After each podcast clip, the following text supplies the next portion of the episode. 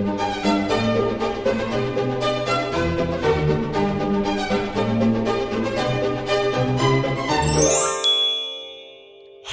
och välkomna till Kungligt. Med Jenny Alexandersson. Och Sara Eriksson. Och äntligen Jenny så får vi ses. Det är helt fantastiskt att sitta ansikte mot ansikte efter alla de här månaderna ja. och dagarna. Det är... Eh... Vi har inte spelat in podd i en studio sedan februari. Det är länge sedan. Det är väldigt länge sedan. Och nu äntligen kan vi erbjuda våra lyssnare ett bra ljud och förhoppningsvis ett ännu, en ännu bättre dialog mellan dig och mig. Ja. Ja.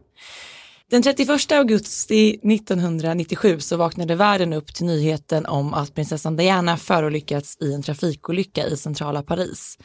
Nu har det gått 23 år sedan folkets prinsessa lämnade jordelivet endast 36 år ung.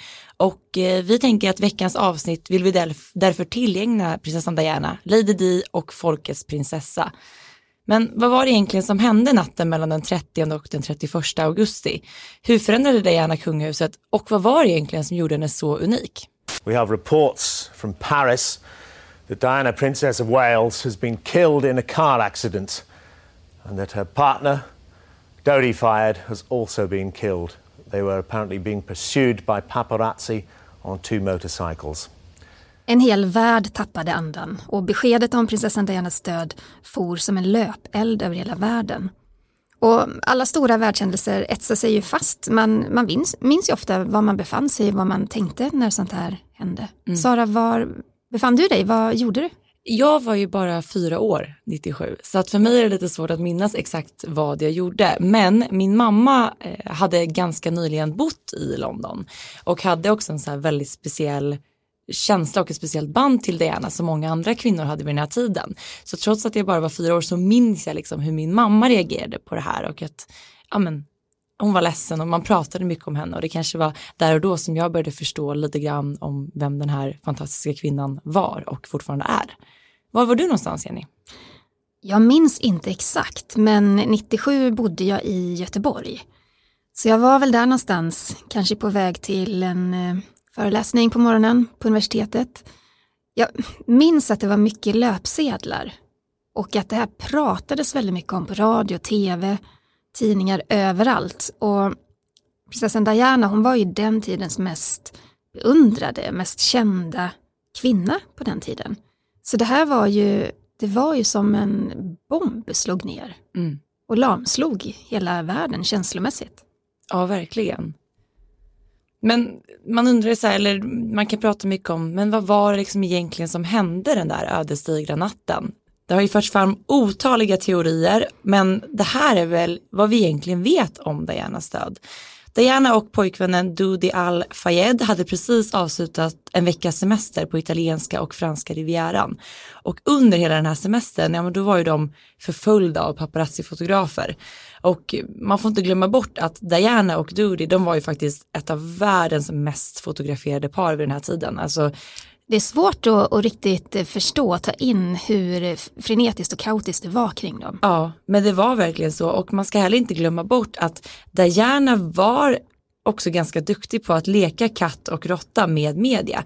För var det inte så att de hade blivit uppsnappade tillräckligt mycket, då var hon ganska duktig på att kontakta en journalist eller en fotograf just för att bara ge en liten hint om var de befann sig just för att trots att hon hade skilt sig från Charles så ville hon gärna spela det här spelet med honom och visa omvärlden att hon nu var lycklig och så vidare, hade träffat någon ny. Så hon ville ändå lite, lite både och. Samtidigt som hon ville vara ifrån media så ville hon ändå att de skulle ha koll på henne.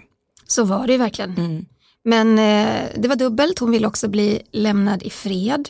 Eh, Dodi Al-Fayed, han var ju son till Mohammed Al-Fayed som då bland annat ägde varuhuset Harrods i London och Hotel Ritz i Paris. Och han var ju också en, en, en liksom omtalad person och ännu mer när han träffade Diana. Det var väl det som blev så stort också, att det var just de två, två mm. så omtalade personer som fann kärleken till varandra och levde ett liv tillsammans. Det blev ju bara ännu mer intressant för pressen att följa dem. Verkligen. Och de hade ju livvaktsskydd mest hela tiden och eh, i Paris då så hade de med sig två livvakter. Och en av dem vittnade sedan om att det var oerhört många fotografer runt det här paret i Paris. Det var en stressad stämning, det var tidvis kaotiskt Och var de än, vart de än rörde sig i Paris så var det paparazzis i närheten. Mm. Och Diana och pojkvännen Doody, de hade ju inte direkt planerat att stanna i Paris utan de var ju på väg då från Rivieran till London. Men av oklar anledning, troligen då att de trodde att de skulle få vara lite mer fred i Paris en natt så valde de att stanna där ja, men innan vidare färd till London. Och de tog sig in bakvägen på Hotell Ritz och eh, checkade in i den så kallade kejsarsviten. Den är nog väldigt flott. Den är nog flott. Mm. Planen var att de skulle äta middag på restaurang Le Benoit. Men eh, de ångrade sig när de fick reda på att Le Benoit de har enorma fönster ut mot gatan. Och bara tanken på att de skulle sitta och äta middag tillsammans med hundratals paparazzi-fotografer utanför rutan. Och bli fotade i varenda tugga de tog. Det liksom. lockade liksom. de inte. Nej. Så de valde istället att äta på hotellet. Mm. Och eh, Doris far hade ju även en övernattningslägenhet i Paris och eh, när de insåg hur omringat hotellet var av fotografer och hur förföljda de var så tog de ett beslut att de istället skulle övernatta i lägenheten istället för på hotellet. Och eh, Diana hon ringde då sin butler Paul, Paul Burrell heter han och berättade då att Dodie ville att hon skulle följa med till lägenheten istället. Och det här var ju faktiskt det sista samtal som hon hade med Paul Burrell och de stod varandra enormt nära. Och Dodie han var ju rasande över att de inte fick vara fria från fotograferna så han ringde till hotellets säkerhetschef, Henri Paul. Och han eh, som egentligen var ledig, han lovade att men jag kör er till den här privata lägenheten. Så han fick då instruktioner att köra fram en bil till hotellets framsida. För det skulle då lura fotograferna och tro att Diana och Dodie skulle, skulle komma ut den vägen. Det var ju vissa som gick på det så att några men fotografer inte alla. fick de på. Nej tyvärr inte alla men många gick ju, gick ju på det ja. där. Men istället då så smög sig Diana och Dodie ut på baksidan och klev in i en svart Mercedes tillsammans med livvakten Trevor Reese Jones. Mm. Och de lämnar hotellet ungefär 20 minuter över midnatt. Eh, och vi kan ju konstatera redan här, för det kom, kommer att bli väldigt viktigt, att varken Diana Dodi eller chauffören använde säkerhetsbälte. Nej. Och som sagt, det var inte många av fotograferna som hade låtit sig bli lurade av den här, det här draget att skicka fram en tom bil. Så istället så var de ju hack i häl på den här bilen eh, med tonade rutor och eh, skottsäkert glas. Och eh, chauffören han gasade allt snabbare. De blev ju förföljda både av paparazzis på motorcyklar, vesper och i bilar. Så att det blev ju liksom en, en biljakt kan man säga. Mm. Och 23 minuter över midnatt då nådde bilen infarten till tunneln Pont Alma. Och chauffören han körde i 105 km i timmen har man kunnat konstatera och tappar kontrollen över bilen. Han sladdade in i det motsatta körfältet och sedan rätt in i en av tunnelns bärande mittpelare av betong. Och här blir då bilen så pass illa åtgången att den nästan gick av helt på mitten. Och då ska man även ha i åtanke att den här bilen, det var en skottsäker bil, den var liksom byggd för att klara väldigt mycket, en säkerhetsbil.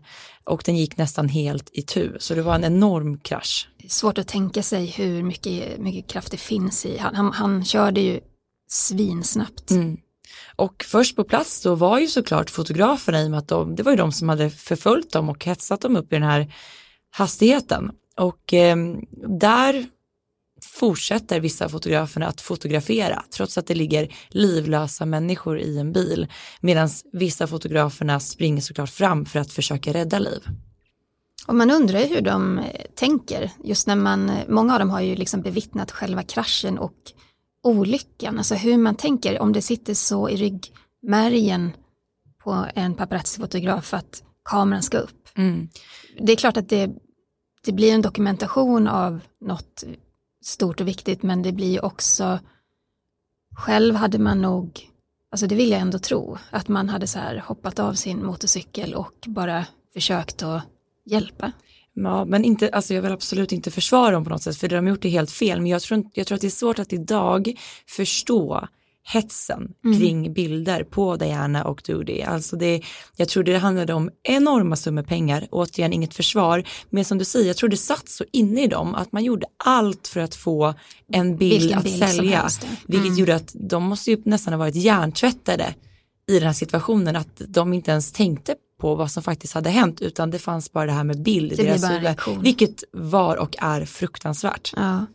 Chauffören och Dianas pojkvän då, Dodi Al-Fayed, de satt i baksätet um, och de dog omedelbart. De, de båda satt på den vänstra sidan ja. Mm. Och den tredje mannen, det var ju parets livvakt, Trevor Reese Jones, han satt i framsätet då på den högra sidan. Och han var vid medvetande. Och han var ju då den enda i bilen som hade haft säkerhetsbälte på sig, så det där kommer ju bli väldigt betydelsefullt. Och eh, då har ju vittnen berättat att han liksom upprepade som ett mantra hela tiden. Var är hon, var är hon? Och, och syftar då på, på Diana. Mm. Och Diana hon låg ju fastklämd och ihopsjunken på golvet i baksätet. Hon hade ju då inte använt något säkerhetsbälte. Och en läkare som snabbt var på plats tog hennes hand i väntan på ambulansen och eh, ja, men runt omkring den här kraschade bilen så stod ju fotograferna med stora kameralinser och liksom tog bilder på, på människorna i vraket. Och eh, det kom allt fler fotografer till den här platsen och det var liksom kaotiskt stundtals innan ambulansen kom dit. Och poliserna försökte ju få folk att backa och eh, det var även flera av fotograferna som blev anhållna på plats. Och läkaren då som var, var snabbt på plats, han vittnade om att prinsessan Diana, hon återfick medvetandet, men att hon var väldigt förvirrad. Men hennes hjärta slutade slå när vårdpersonalen flyttade över henne till ambulansen. De lyckades återuppliva henne så att hjärtat slog igen.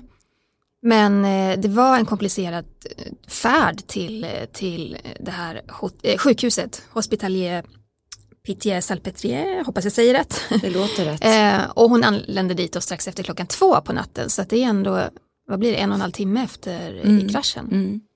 Och trots då att man försökte rädda hennes liv upprepade gånger så var hennes inre skador så omfattande Två timmar senare, klockan fyra på söndagsmorgonen den 31 augusti så förklarade läkarna prinsessan Diana död. Och då var hon, då var hon bara 36 år gammal. Mm. Det är så sorgligt. Och varenda gång man pratar om det så blir man påmind om den här händelsen. Mm. Hon var så ung. Vid halv sex på morgonen så hålls då en presskonferens med Frankrikes inrikesminister och Storbritanniens ambassadör och läkaren som då har försökt att rädda Dianas liv. Och eh, senare samma dag på eftermiddagen så anländer då prins Charles och Dianas två systrar till Paris för att hämta hem Dianas kvarlevor. Och även då hennes butler som vi pratade om, Paul Burrell, kom för att vara med vid Dianas sida. Men han, ja, men han, stod han ju varandra väldigt ja. nära. Jag tror att, eh, för han har ju pratat om det här i intervjuer och eh, när man hör hans röst, han är väldigt så här, han kan ju dramatisera saker, han har väldigt så här låg röst. Eh, googla honom så, så får ni lyssna på de där klippen. Men han säger bland annat att jag kom för sent, hon dog ensam utan någon vid hennes sida. Mm. Och jag tror det tog honom enormt hårt, för han var ju en av få som var extremt nära Diana, en av hennes förtrogna fanns vid hennes sida nästan varje dag. Jag kan tänka mig också hans ångest i och med att han är den personen som hon ringer allra sist. Och såklart om han kanske hade varit mer påstridig så kanske de aldrig hade åkt till lägenheten. Så det är klart att han, han bär ju säkert en skuld även om det inte är hans fel. Men det, mm. det kan man ju tänka sig. När det här då går ut och når världen så, så försätts ju en hel värld i sorg och Dianas söner som alla tänker på de är då bara 12 och 15 år gamla och har förlorat sin mamma och eh, Dianas systrar de upprättar en välgörenhetsfond till hennes minne och på bara tre dagar, dagar så samlar man in över en miljard kronor till den här fonden. Det är helt otroligt. Ja, och samtidigt så blir det ju det växer upp också en ilska mot de här fotograferna, att hon har blivit jagad in i sin död. Man kanske börjar ställa frågor till sig själv, så här, har jag varit en del av det här på grund av att jag har läst och tagit del av bilder när Diana har blivit jagad tidigare?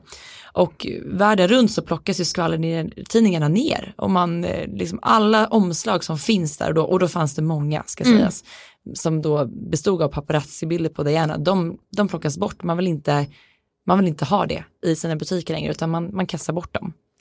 Och sju av de här paparazzi-fotograferna som var på plats, de häktades. Och eh, ja, men det var ett stort hat, ett rasande hat över medier överlag de här dagarna och eh, det är klart att fotograferna anklagades för att ha dödat henne. Mm. Men man kan ju också fråga sig om det bara var fotografernas fel. För det visade sig senare att chauffören, säkerhetschefen Henri Paul, han hade faktiskt druckit alkohol innan han satte sig bakom ratten. Han hade beställt två spritdrinkar på hotellet när han satt och väntade på Dodi och Diana i hotellets bar och det visade sig att han även hade druckit då innan Dodi ringde honom ringde in honom till hotellet. Så han låg mer än tre gånger över den tillåtna eh, promillegränsen i Frankrike och eh, jag tror han hade 1,75 promille i blodet plus att man också hade hittat spår av eh, Prozac, den här medicinen. Mm. Så plötsligt var det han som stod i centrum för det här hatet och man riktade då eh, pekande fingrar och kritik mot honom att det var han som hade dödat Diana. Och de här sju eh, paparazzi-fotograferna, de friades ju, men tvingades även då betala skadestånd på cirka en euro, vilket är en väldigt, Väldigt symbolisk symbolisk. summa eh, för då intrång i privatlivet. Mm. Men även om man, det har gått 23 år nu, det har, man har spekulerat eh, och grävt väldigt mycket i det här så har det ju framkommit väldigt många olika teorier och det finns ju vissa som verkligen håller fast vid de här än idag. Ehm, och det är ju så det blir vid en sån här händelse. Ja, men det, är så, det blir så mytomspunnet, alla de här konspirationsteorierna har ju cirkulerat i åratal. Eh, vissa menar ju då att det brittiska kungahuset har orsakat olyckan. Andra menar att nej, men Diana var gravid med pojkvännen och då var hon ett hot. Men det att hon var gravid det har ju tillbakavisats av, av läkare. Ja. Och det har även framkommit i utredningar att det fanns eller det ska finnas en bil som de innan kraschen ska ha kommit i kontakt med, alltså som de har stött in i på något sätt som har gjort att bilen liksom började snurra. Och att det här fordonet då, en vit Fiat Uno, att det liksom varken föraren till den bilen eller bilen har aldrig återfunnits. Mm. Vilket är en, en konstig del Ja, i den här verkligen. historien. Och Dodis eh, pappa då, Mohammed Al-Fayed, han har ju efter eh, sonen och Dianas död pekat ut medlemmar av kungafamiljen som medskyldiga till olyckan. Och det var ju så grava anklagelser så att 2007 så genomfördes faktiskt en rättsprövning av parets död och eh, i samband med det så pekade Al-Fayed ut prins Philip. Och Al-Fayed menade att prins Philip har lejt en mördare för att röja Diana och Dodi ur vägen. Och den grundläggande orsaken ska då vara vanligt enligt Al-Fayed att Diana var gravid med Dodis barn och att det inte sågs med blida ögon av kungahuset. Men det, det här påståendet det avvisades ju av rätten. Och där ska också sägas att eh, Dodis far har tagit ett enormt avstånd eh, ifrån kungahuset och eh, väldigt många gånger liksom verbalt berättat vad han tycker och tänker och han är fortfarande ganska fast beslutsam kring det han har uttryckt sig om trots att det har tillbakavisats då av rätten. Jag tycker vi kollar på händelserna efteråt för att det blev ett enormt efterspel. Och hur reagerar egentligen drottning Elisabeth och hovet efter olyckan? Ja, men utanför Buckingham Palace så täcktes ju marken snabbt av så här ett enormt stort blomsterhav och likaså utanför Kensington Palace där Diana det, det, hon bodde. Och det sägs ju att det nästan var alltså 60 miljoner blommor som placerades utanför slottet. Det säger ganska mycket om hennes storhet och eh, hundratusentals människor lämnade rosor, eh, teckningar och gåvor. Och människor stod ju tysta i sorg och grät helt öppet utanför slottet. Hela London var ju en, en stad i, i sorg och butiker och biografer stängde och allt stannade av och det säger ju någonting, jag menar London är en enorm miljonstad. Eh, det säger någonting om hur alla påverkades av Dianas död. Och någon som påverkades extremt mycket det var ju Dianas bror Earl Spencer för att han höll ett tal ganska, eller han gjorde ett uttalande ganska snart efter hennes död. Och han sa så här, citat, jag har alltid trott att medierna skulle döda henne till slut, men jag kunde aldrig tro att det skulle ha en sådan handgriplig del i hennes död. Alla publicister och medier som betalat för bilder av henne har blod på sina händer. Och det där är, det är starka ord. Men man får ju också komma ihåg att han såg ju på nära håll hur jagad hon blev i alla dessa år och han var ju i enorm sorg och chock. Och också hur dåligt hon mådde under väldigt många år. Men samtidigt som hela Storbritannien och hela världen sörjde Diana så var det ju knäpptyst ifrån det brittiska hovet. Och aldrig i modern tid så har ju hovet blivit så ifrågasatt som det blev då. För att den här tystnaden ifrån drottning Elizabeth fick ju hela kungahuset att gunga. Ja, alltså jag tror man, man ifrågasatte ju verkligen monarkin. Mm. Men vad var det som hände? Ja, men drottningen hon var ju då bortrest till Balmoral och där fanns ju även Harry och William. Men eh, hon vägrade liksom att resa hem till Buckingham Palace i London utan hon stannade envist kvar i Skottland och eh, det här gjorde ju folk upprörda. Man tyckte att eh, hon inte visade någon empati och man tyckte att så här, är det någon gång ni borde tala så är det ju nu. Det har ett helt land i sorg. Eh, även om då Diana och Charles hade skilt sig ett år tidigare så tyckte man ändå att de borde ha uttalat sig. Jag tror den springande punkten i det hela det var ju att prinsessan Diana var ju inte del av det offentliga kungahuset längre. Precis. Och eh, drottning Elisabeth håller ju väldigt hårt på mm. ordningen och eh, traditionen.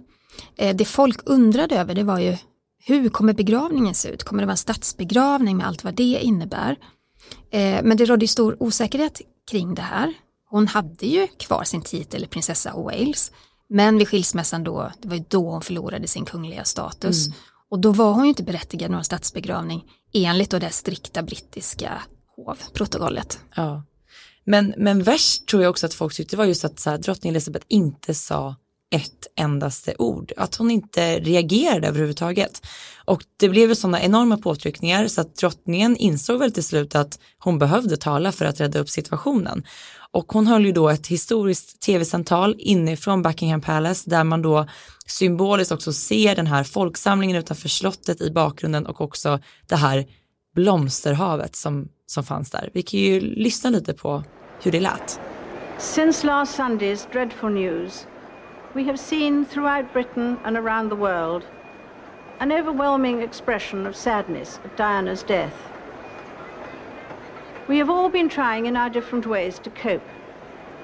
It is not easy to express a sense of loss, since the initial shock is often succeeded by a mixture of other feelings disbelief, incomprehension, anger, and concern for those who remain. We have all felt those emotions in these last few days. So, what I say to you now, as your queen and as a grandmother, I say from my heart. First, I want to pay tribute to Diana myself. She was an exceptional and gifted human being. In good times and bad, she never lost her capacity to smile and laugh, nor to inspire others with her warmth and kindness. I admired and respected her for her energy and commitment to others, and especially for her devotion to her two boys. Men det hölls ju fler eh, officiella tal. Premiärminister Tony Blair, han hade ju nyligen tillträtt och eh, i ett tal så kallar han Diana för folkets prinsessa och det blev ju, det blev ju ikoniska ord kan man säga. Vi lyssnar på det. They liked her, they loved her. They regarded her as one of the people. She was the people's princess. And that's how she will stay, how she will remain in our hearts and in our memories forever. Och en vecka senare, den 6 september, så hålls en högtidlig begravningsmässa i Westminster Abbey som då också tv-sändes i över 200 länder. Och det var alltså närmare 2,5 miljarder människor som tog del av det här. Alltså det, det säger någonting om hennes eh, betydelse för folk. Och också hur många det var som sörjde med hennes söner, tänker jag. Mm. Man kände sån empati för den här människan.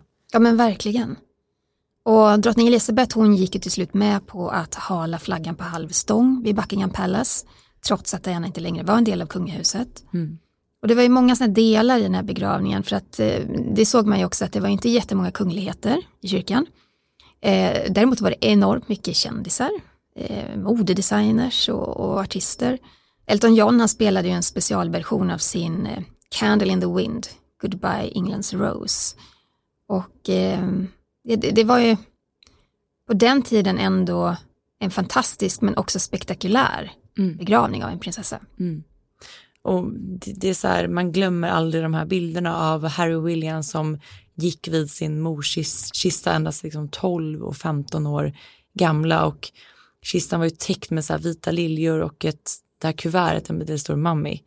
Alltså det är... Ja, man får ont i hjärtat när man tänker på det. Ja. Alltså idag skulle man ju aldrig låta barn vandra efter sin mammas kista på det sättet. Alltså de visade upp pojkarnas sorg för en hel värld. Det är helt otänkbart att göra Om man tittar på klipp då från när de då första gången besöker Blomsterhavet utanför Buckingham Palace. Alltså man är 12 och 15 år, man är barn. Och hur då de vet ju inte hur de ska föra sig eller reagera och de är jätteledsna när man förlorar sin mamma, helt overkligt för dem att ta in och sen ska de behöva gå och ta folk i händerna. Ja, och ta emot andra människors sorg. För Ja. att de här människorna då som hälsar på William och Harry, de störtgråter och de gör det ena och det andra. Och de kramar om dem. Alltså det Och det är så här eh, osmakligt och eh, fruktansvärt och det ska de här två små pojkarna ta emot. Mm. Skulle, man skulle aldrig göra så idag. Och William han har ju berättat i en intervju att han försökte gömma sig bakom sin långa lugg när han då vandrade Det ser man väldigt vid tydligt. begravningen. För han ville inte att någon skulle titta på honom. Nej. Alltså en sån här sorg att förlora sin mamma i den åldern, det är ju, världen går ju under. Och så ska man då samtidigt ta emot en hel världs sorg. Nej, Jag tycker det är så konstigt också för att det, man får ju följa då sönerna när de vandrade med Dianas liksom, kistan. Men inne i kyrkan så blev de ju inte filmade men det borde ju ha varit exakt samma tanke innan egentligen. Ja, jag tänker också det. Jättemärkligt. Eller att de inte var med i den här vandringen Ja. överhuvudtaget. Men Dianas bror, han höll ju då ett tal på begravningen som då sändes ut över London i högtalare. Och som sagt så kunde hela världen också följa begravningen på tv. Men Earl Spencer, han attackerar ju liksom återigen medierna och Londonborna då applåderar ju. Så att det här blev ju alltså, tydlig ståndpunkt. Han var ju väldigt tydlig då igen att liksom ta avstånd ifrån den brittiska kungafamiljen också. Mm, vi lyssnar. There is no doubt that she was looking for a new direction in her life at this time. She talked endlessly of getting away from England, mainly because of the treatment that she received at the hands of the newspapers. I don't think she ever understood why her genuinely good intentions were sneered at by the media, why there appeared to be a permanent quest on their behalf to bring her down. It is baffling. My own and only explanation is that genuine goodness is threatening to those at the opposite end of the moral spectrum. Men vi backar bandet lite tycker jag. För hur levde egentligen Diana innan olyckan? Var hon, var hon lycklig? Var hon, var hon lättad efter skilsmässan? Det är frågan. Som sagt, bara ett år tidigare så hade ju skilsmässan, vad säger man, trätt i kraft. Alltså de hade ju inte bott ihop sedan 92 men skildes inte förrän 96. Så att på pappret så skulle väl vara en fri och lycklig kvinna tänker jag. Men Diana hon var ju liksom världens mest omskrivna människa. Hon fotograferades och hon beundrades. Eh, hon var ju väldigt olik resten av kungafamiljen och hon gick ju verkligen sin egen väg.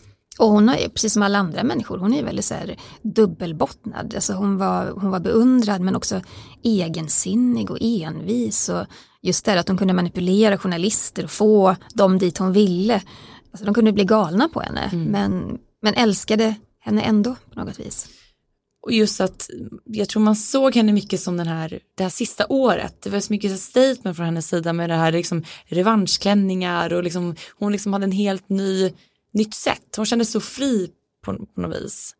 Och jag tror det är det som gör det hela än så Fri, tragiskt. fri men ändå ofri, för jag tänker de här pojkvännerna hon hade efter skilsmässan, eh, det var ju aldrig, de, de kunde ju aldrig vara fria, röra sig fritt, Nej. göra det de ville. De var konstant bevakade, så den som gav sig i lag med Diana fick ju också ta emot hela den här baksidan med att vara offentlig. Ja, verkligen. Och offentlig liksom är ett helt större, eh, större betydelse. Och i kombination tänker jag med att Diana var ju från början väldigt frispråkig. Någonting som älskades av folket och hatades av kungahuset. Och det fortsatte ju bara liksom hela, hela hennes liv. Minns du den här boken, Her True Story? Eh, Den kom ju 92 och den, eh, alltså han som, som skrev den, det visade sig, sig sen också att det var ju Diana som låg bakom, han hade gjort eh, timslånga intervjuer med henne. Ja. Och den avslöjar ju faktiskt den här mörka baksidan av det kungliga livet. Och inte bara Dianas liv, utan också resten av kungafamiljen. Och den kommer ju att ändra synen väldigt mycket på kungafamiljen. Och jag tror den boken i kombination då med den här iskalla kylan ifrån drottning Elizabeth när Diana omkommer. Det, det var ju som just precis därför som hela den brittiska monarkin blev så ifrågasatt. Mm. Man undrar så, vad, vad är det egentligen vi ser upp till? Ja, och sen att kungahuset står för det här eh, traditionella familjebildandet. Eh, men i, i den här boken till exempel så eh, kunde man ju också läsa mellan raderna och även i efterhand, både Diana och Charles har ju erkänt att de hade otrohetsaffärer och det på den tiden var ju också, ah, ramaskri. Ja.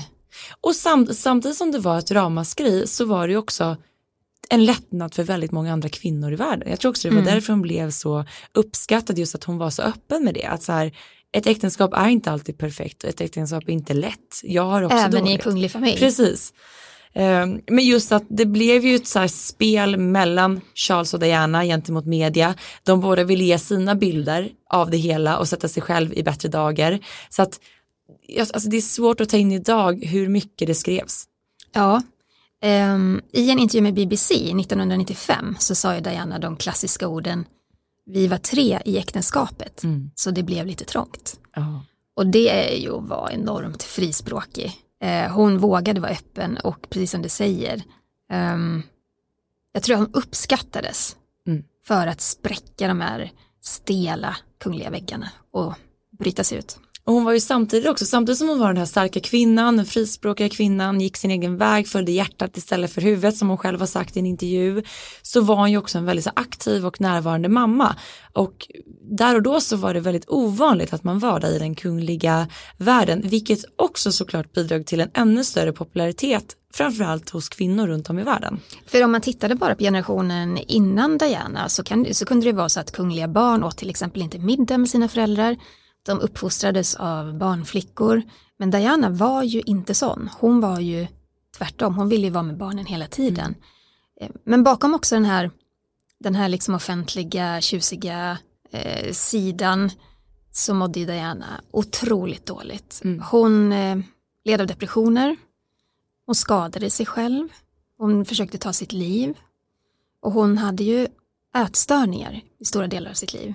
Och de eskalerade ju faktiskt redan innan bröllopet den 29 juli 1981. Mm. Så det var ju det var ju någonting som också var en del av henne.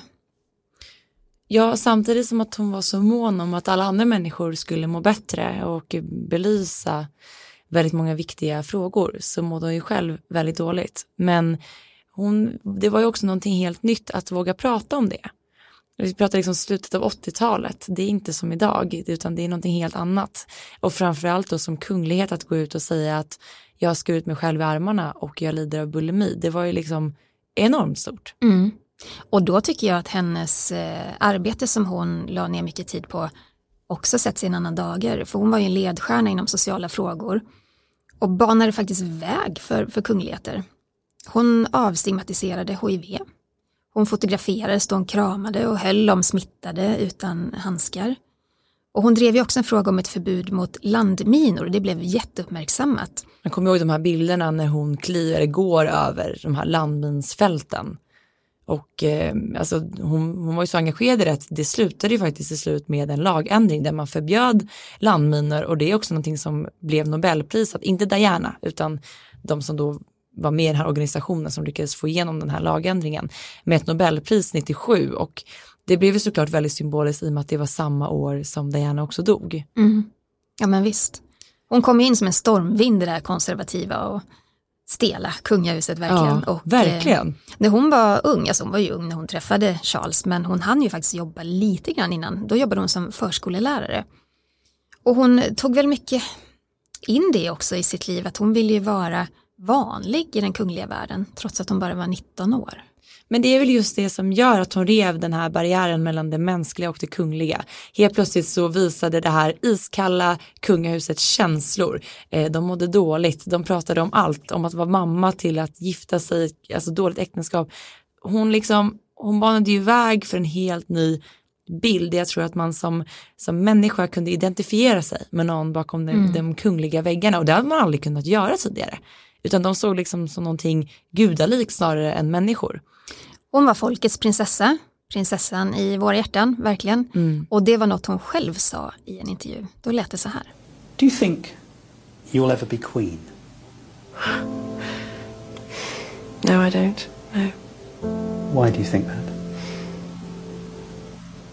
I'd like to be a queen of people's hearts in people's hearts. But I don't see myself being queen this country. I don't think many people would want me to be queen. Actually, when I say many people, I mean the establishment that I'm married into, because they've decided that I'm a non starter.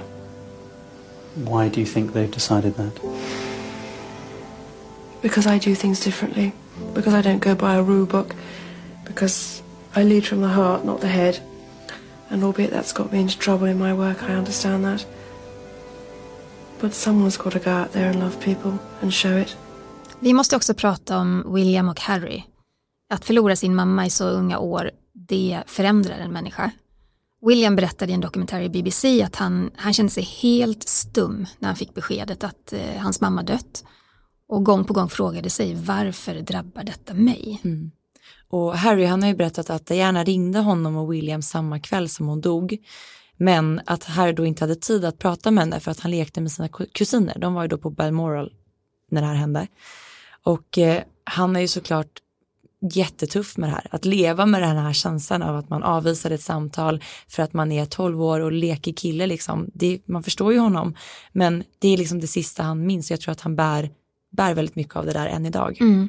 Och det har ju visat sig också i sena år att han i kungafamiljen var det mycket så att man pratade inte jättemycket om det som hade hänt. Och eh, Harry har ju berättat att han gömde så otroligt mycket känslor inom sig. Och när han blev tonåring, då resultatet av att gå och bära på de här känslorna gjorde ju att han spelade ut och han tog droger och han drack och mm. han eh, ja, men blev anklagad för misshandel, han gick till en fest iklädd en nazikostym, alltså det var så mycket som hände som han då har sagt att eh, det berodde på att han inte fick släppa ut sina känslor. Så han gjorde på, på det sättet istället. Och man ser också hur, hur Harry och William själva blir påverkade och nu vill kanske bana väg för folk som är i liknande situationer att få en bättre hjälp. De har ju startat den här organisationen Heads Together där de är väldigt mån om att man ska våga prata om psykisk ohälsa och mån om att också förebygga psykisk ohälsa. Så att det här har ju kommit att bli såklart deras hjärtefråga och att de är så mån om att ingen annan ska behöva genomlida det på samma sätt som de utan få den hjälpen man behöver. Jag minns när de började gå ut eh, med detta. Ehm, det är ju, det är ju några år sedan nu men jag vet att jag i alla fall hajade till och tänkte det här är skitbra. Mm. Det, här, det här var oväntat men väldigt, väldigt bra. Så det känns också som att i svallvågorna efter Dianas död så har det hänt någonting med kungahuset. Visserligen, vi lever i en annan tid nu. Eh, det har ändå passerat 23 år. Men att sönerna också kan gå i bräschen för det och förändra, det är jättebra. Mm. Det som man inte heller kan eh, sluta fundera över, det man pratar mycket om, det är ju just Mexit, att Harry och Will, eller Harry och Meghan valde att ta ett kliv tillbaka och inte längre utgöra en del av det brittiska kungahuset. Eh, Meghan har ju själv pratat i intervjuer om att hon inte har mått bra och att hon då återigen refererar likt gärna att hon hade blivit glad ifall någon hade frågat henne hur hon mår bakom de kungliga väggarna. Och att Harry har varit väldigt tydlig med att så här, jag vill inte att min fru och min son ska behöva gå samma öde till mötes. Så att det är klart att det finns säkert mycket Diana i parets beslut. Det tror jag också. Eh, det är också ett dubbelt beslut, det har vi pratat om många gånger. många gånger. Hur vi förundras över ifall de nu vill undvika offentlighet, paparazzis och bli jagade bosätter sig i Los Angeles som faktiskt är mitt i en kokande kärnpunkt av mm. paparazzis och kändisbevakning. Mm. Eh, och hur de nu faktiskt eh, igår eh, kom ju nyheten att eh, de har tecknat ett avtal med Netflix att skapa barnprogram, eh, spelfilm och dokumentärer. Och de tar ju verkligen ett stort kliv in i den där kändis och underhållsvärlden. Ja. Så det är dubbelt. Um, jag var förvånad över att Harry ville ta det steget. Mm. Men mm. vi, vi, får följa det och vi se hur det går. Vi kommer följa det och vi kommer prata mer om det givetvis. Och eh, nästa år så skulle ju Diana ha fyllt 60 år mm. och då kommer ett monument att resas till hennes minne utanför då hennes hem på Kensington Palace.